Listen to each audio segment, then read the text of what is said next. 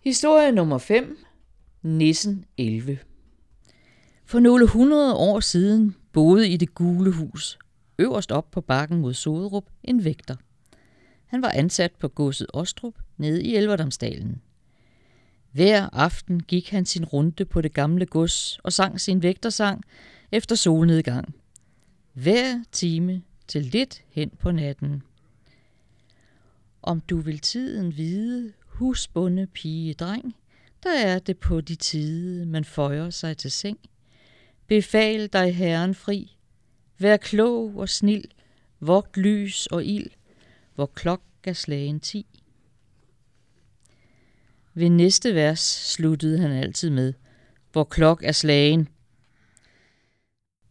På Ostrup holdt dengang en gammel nisse elveren til. Han var noget af en hisseprop. Han havde at blive vækket af sin gode søvn, så dengang vægteren, som helt ny i faget, første gang gik vægterrunden og sang, hvor klok er slagen 11, kom elveren farende ud, tog den formastlige i det ene ben, slyngede ham højt over laden, mm. for gennem porten om på den anden side. Her greb han vægteren og smed ham over laden endnu en gang. Og sådan blev han ved, lige til klokken var tolv. Den arme mand var godt fortumlet efter de mange flyveture, og lige siden har Ostrups vægtere aldrig taget ordet 11 i deres mund. Jamen, langt op i forrige århundrede boede der faktisk en vægter i Ostrup Slots vægterbolig. Hans opgave var så at passe på konventualinderne, at der ikke kom nogen, der løb med dem.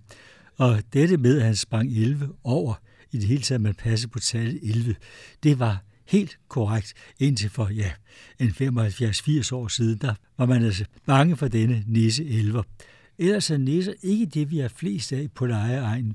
Vi har kendskab til et par stykker mere. Nisser kaldte vi også for gråmænd. De øh, boede som regel i gamle oldtidshøje, eventuelt på loftet, og de har ikke noget som helst at gøre med julenisser. Og efterhånden som oldtidshøjene og dyser er blevet ødelagt, så er nisserne forsvundet med dem.